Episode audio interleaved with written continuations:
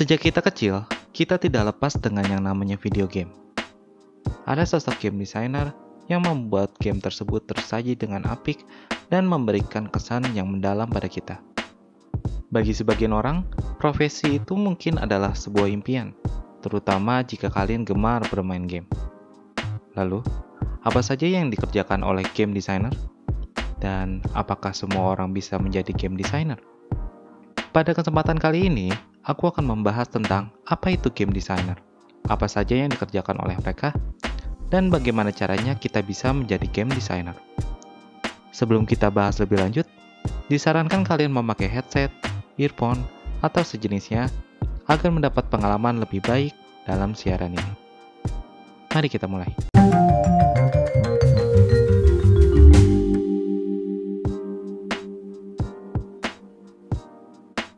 Selamat datang di Venue Psikologi, di mana kami akan berbagi ilmu seputar psikologi atau pengetahuan yang mungkin menarik untuk dibahas.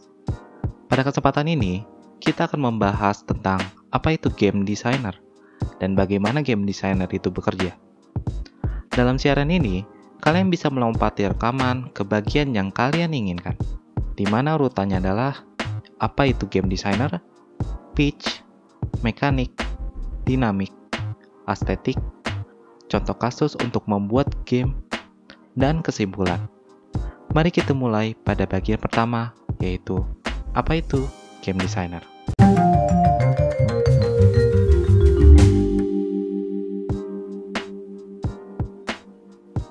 Game designer adalah seorang yang merancang aturan main dan konsep dari game itu sendiri.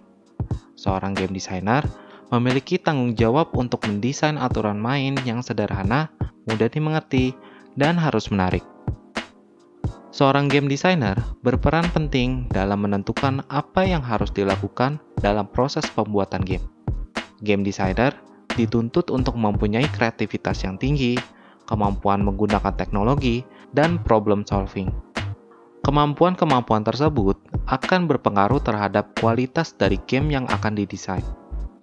Seorang game designer juga dituntut untuk mempunyai kemampuan komunikasi yang baik, sebab game designer adalah penghubung antara satu bidang dengan bidang yang lainnya, seperti artis, programmer, produser, project manager, audio engineer, dan bidang-bidang lainnya yang terlibat dalam pembuatan game.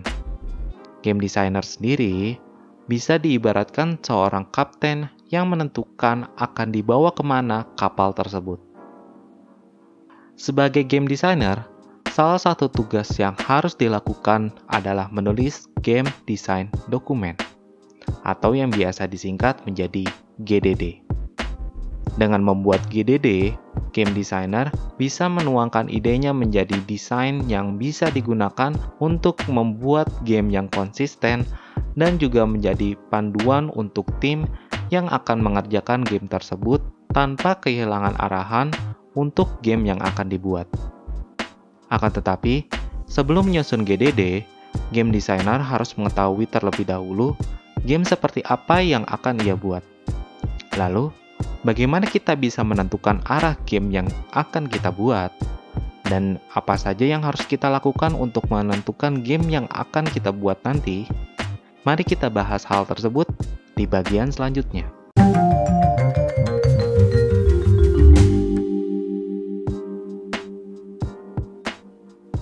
Tahap pertama untuk menyusun GDD adalah membuat sebuah pitch game. Apa itu pitch game? Pitch game adalah bagaimana desainer menjelaskan ide game yang ia bayangkan secara singkat dan mencakup semua yang bisa dilakukan dalam game tersebut. Pitch game sendiri hanya terdiri dari satu paragraf, karena jika desainer tidak bisa menjelaskan ide game secara singkat, artinya desainer tersebut belum benar-benar paham tentang apa yang ingin ia buat. Misalnya, dalam game Mobile Legends, pitch gamenya adalah sebuah permainan bergenre multiplayer online battle arena atau disingkat MOBA dalam perangkat mobile. Dalam pitch game tersebut, dijelaskan bahwa game tersebut akan dilakukan sebuah pertarungan antara pemain dalam sebuah arena yang bisa dimainkan dalam perangkat mobile. Dari pitch ini, baru bisa dikembangkan lebih detail lagi. Untuk menjelaskan lebih rinci tentang game tersebut, kita harus menentukan bagaimana aturan dari game tersebut, sistem yang ada di game tersebut, dan aspek fun atau kesenangan yang akan didapat oleh pemainnya. Untuk menjelaskan hal tersebut, kita bisa menggunakan konsep mekanik, dinamik, estetik, atau biasa disingkat MDA. MDA sendiri dikemukakan oleh Robin Hanig, Mark Leblanc, dan Robert Zubek yang bertujuan untuk membantu para game designer untuk mendesain gamenya. MDA sendiri terdiri dari tiga bagian, yaitu mekanik atau aturan dari game tersebut, dinamik atau bagaimana game tersebut dimainkan, dan estetik atau kesan yang didapat oleh pemain. Dengan menggunakan pendekatan ini, para desainer game dapat dengan mudah menjelaskan game yang ingin dia buat lebih rinci lagi. Lalu, bagaimana cara menggunakan MDA ini? Mari kita mulai dari mekanik.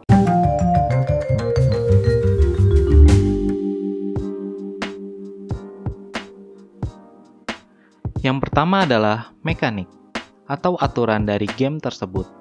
Sederhananya, Mekanik adalah jawaban dari pertanyaan-pertanyaan seperti apa saja yang bisa dilakukan pemain di dalam game, bagaimana cara pemain melakukannya, kenapa pemain harus melakukan hal-hal tersebut, dan kapan permainan tersebut berakhir. Pertanyaan-pertanyaan ini bisa dirangkum menjadi core feature atau fitur utama yang disajikan dalam game tersebut. Misalnya, dalam game Mobile Legends, Fitur utama dalam game tersebut adalah pemain bisa memilih karakter di mana setiap karakter mempunyai skill atau kemampuan yang berbeda-beda. Kemudian, pemain juga dapat membeli item untuk memperkuat karakter yang mereka pilih. Dan kemudian, pemain bisa menggerakkan karakter tersebut untuk menghancurkan tower yang berada di daerah musuh untuk mencapai sebuah kemenangan. Jadi, Mekanik adalah fitur utama yang akan disajikan dalam game tersebut yang mencakup apa yang bisa dilakukan pemain, kenapa pemain melakukan hal tersebut, dan kapan permainan tersebut berakhir. Setelah kita mengenal tentang mekanik, kita akan lanjut ke bagian selanjutnya, yaitu dinamik.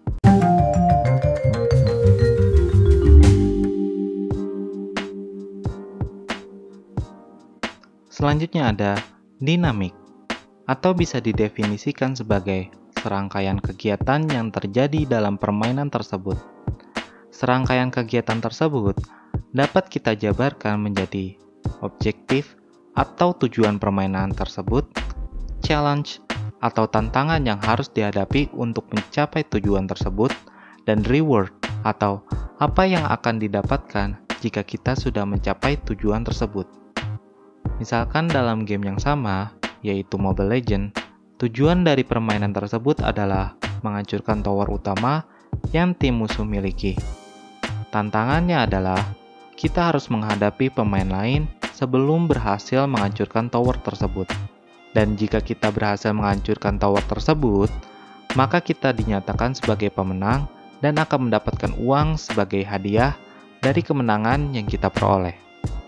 Jadi, Dinamik adalah serangkaian kegiatan yang terjadi dalam permainan tersebut yang terdiri dari objektif, challenge, dan reward.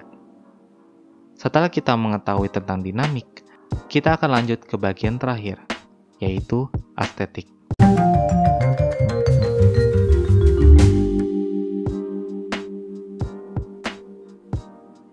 Terakhir adalah estetik, atau emosi yang akan dirasakan oleh pemain saat memainkan game tersebut.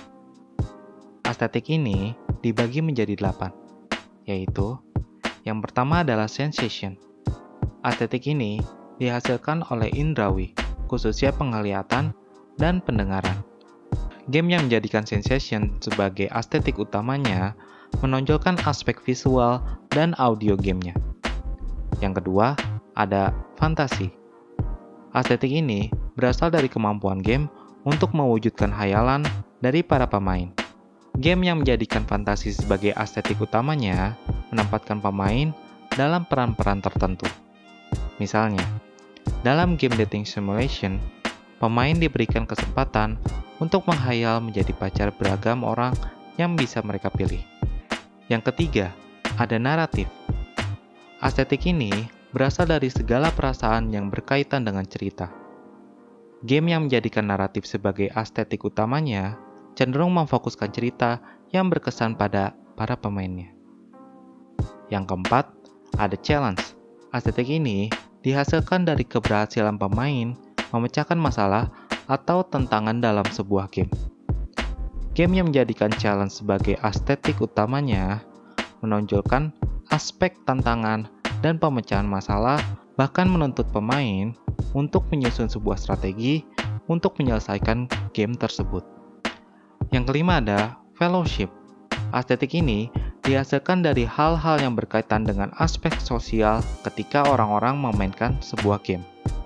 Aspek sosial tersebut berupa kerjasama maupun kompetisi antar pemain. Estetik ini biasanya ditemukan pada game-game multiplayer. Yang keenam, ada discovery.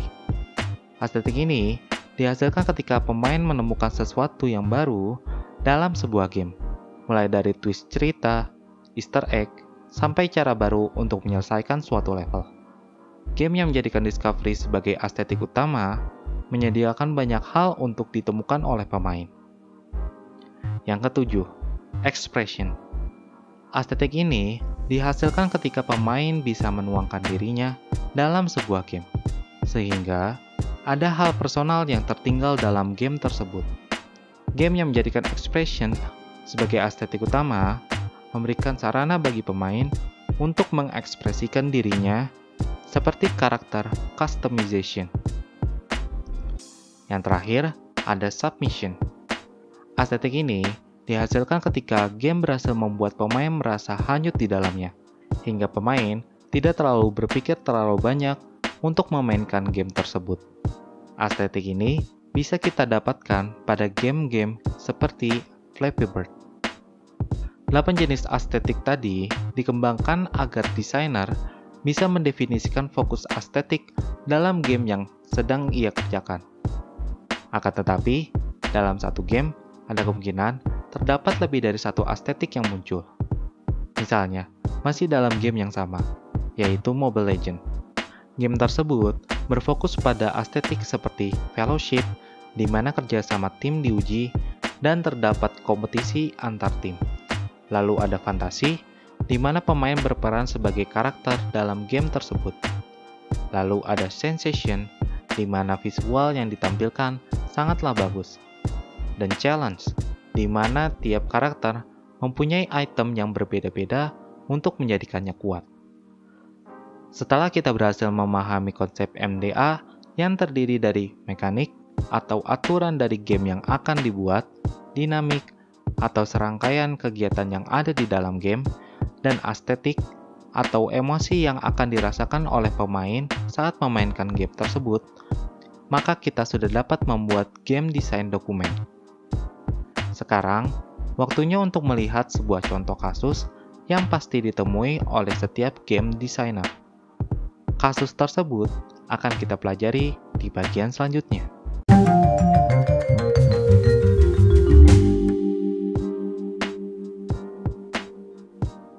Dalam dunia nyata, game designer tidak selalu membuat game yang dia inginkan. Terkadang, game designer diminta oleh seorang klien untuk membuatkan mereka sebuah game dengan kriteria-kriteria yang sudah ditentukan oleh klien tersebut. Pada saat seperti ini, game designer harus bisa menerjemahkan keinginan klien tersebut dan menuangkannya dalam GDD. Mari simak contoh kasus berikut. Misalnya, Seorang guru ingin membuat game yang dapat membantu pembelajaran di SMK otomotif. Guru tersebut ingin mensimulasikan pembelajaran seperti membongkar isi mobil, mengenalkan tiap komponen pada mobil, dan memperbaiki mobil yang rusak. Dalam penjelasan tersebut, kita dapat membuat pitch gamenya menjadi sebuah game simulasi tentang servis mobil. Dalam pitch game tersebut, sudah dijelaskan inti dari game tersebut adalah game simulasi yang berbicara tentang seluk-beluk servis mobil. Setelah kita menentukan pitch game tersebut, barulah kita mulai mendefinisikan mekanik, dinamik, dan estetik yang ada pada game tersebut. Pertama, mekanik atau fitur utama dari game tersebut adalah membongkar bagian mobil, mengganti bagian yang rusak dengan yang baru, dan memasang kembali bagian yang sudah dibongkar. Lalu, pada kondisi apa game ini berakhir? Game ini akan berakhir jika kita berhasil mengganti semua bagian yang rusak dengan yang baru. Dinamik atau rangkaian kegiatan dari game tersebut memiliki objektif memperbaiki mobil yang rusak dengan challenge menemukan bagian yang rusak dan reward bisa berupa uang untuk mengupgrade alat-alat yang pemain punya ataupun experience untuk menaikkan kemampuan yang karakter miliki. Kemudian, estetik yang harus dimunculkan adalah fantasi, di mana pemain berperan sebagai montir yang memperbaiki mobil-mobil tersebut. Kemudian ada discovery, di mana pemain akan mencari bagian yang rusak dari tiap mobil yang ia akan perbaiki. Dan yang terakhir adalah challenge, di mana pemain ditantang dengan berbagai macam kerusakan dari tiap mobil yang ia perbaiki. Setelah berhasil menemukan mekanik, dinamik, dan estetik dari game tersebut, barulah semua ide tersebut dituangkan dalam game design dokumen yang kemudian akan dipresentasikan kembali ke bagian-bagian yang lain, seperti bagian programmer, artis, project manager, dan lainnya. Contoh yang dipaparkan tadi tidak harus menjadi acuan benar atau salah dalam mendesain sebuah game. Setiap orang mempunyai pemikiran yang berbeda tentang bagaimana mempresentasikan game dari kasus tersebut. Ada yang membuat dengan menekan aspek cerita di dalam gamenya, ada juga yang membuatnya menjadi game balap, akan tetapi tiap mobil bisa dimodifikasi seluruh bagiannya dan masih banyak lagi.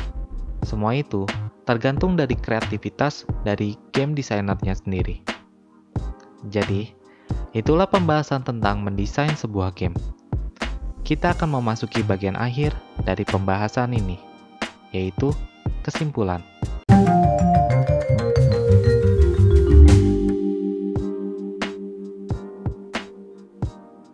Kesimpulan yang kita dapat dari pembahasan ini adalah: pertama, Game designer adalah seorang yang mendesain sebuah game yang nanti menjadi acuan orang lain dalam proses pembuatan game tersebut. Kedua, sebelum menulis game design dokumen, harus dibuat pitch game yang tidak lebih dari satu paragraf untuk menjelaskan secara singkat tentang game yang akan dibuat. Ketiga, pitch game yang sudah ada harus diperinci lagi dengan menentukan mekanik atau aturan dari game tersebut dinamik atau kegiatan yang ada di dalam game tersebut, dan estetik atau emosi yang akan diterima pemain saat memainkan game tersebut. Dan kesimpulan yang terakhir, tidak ada kata benar atau salah dalam mendesain sebuah game. Semua tergantung dari kreativitas, kemampuan memecahkan masalah, dan komunikasi dari game desainernya sendiri. Terima kasih telah mendengarkan Venue Psikologi. Jika ada pertanyaan, silakan kirim ke email yang tercantum di deskripsi. Kami akan jawab atau bahas pertanyaan tersebut di siaran selanjutnya. Sekali lagi, terima kasih dan sampai jumpa di siaran selanjutnya.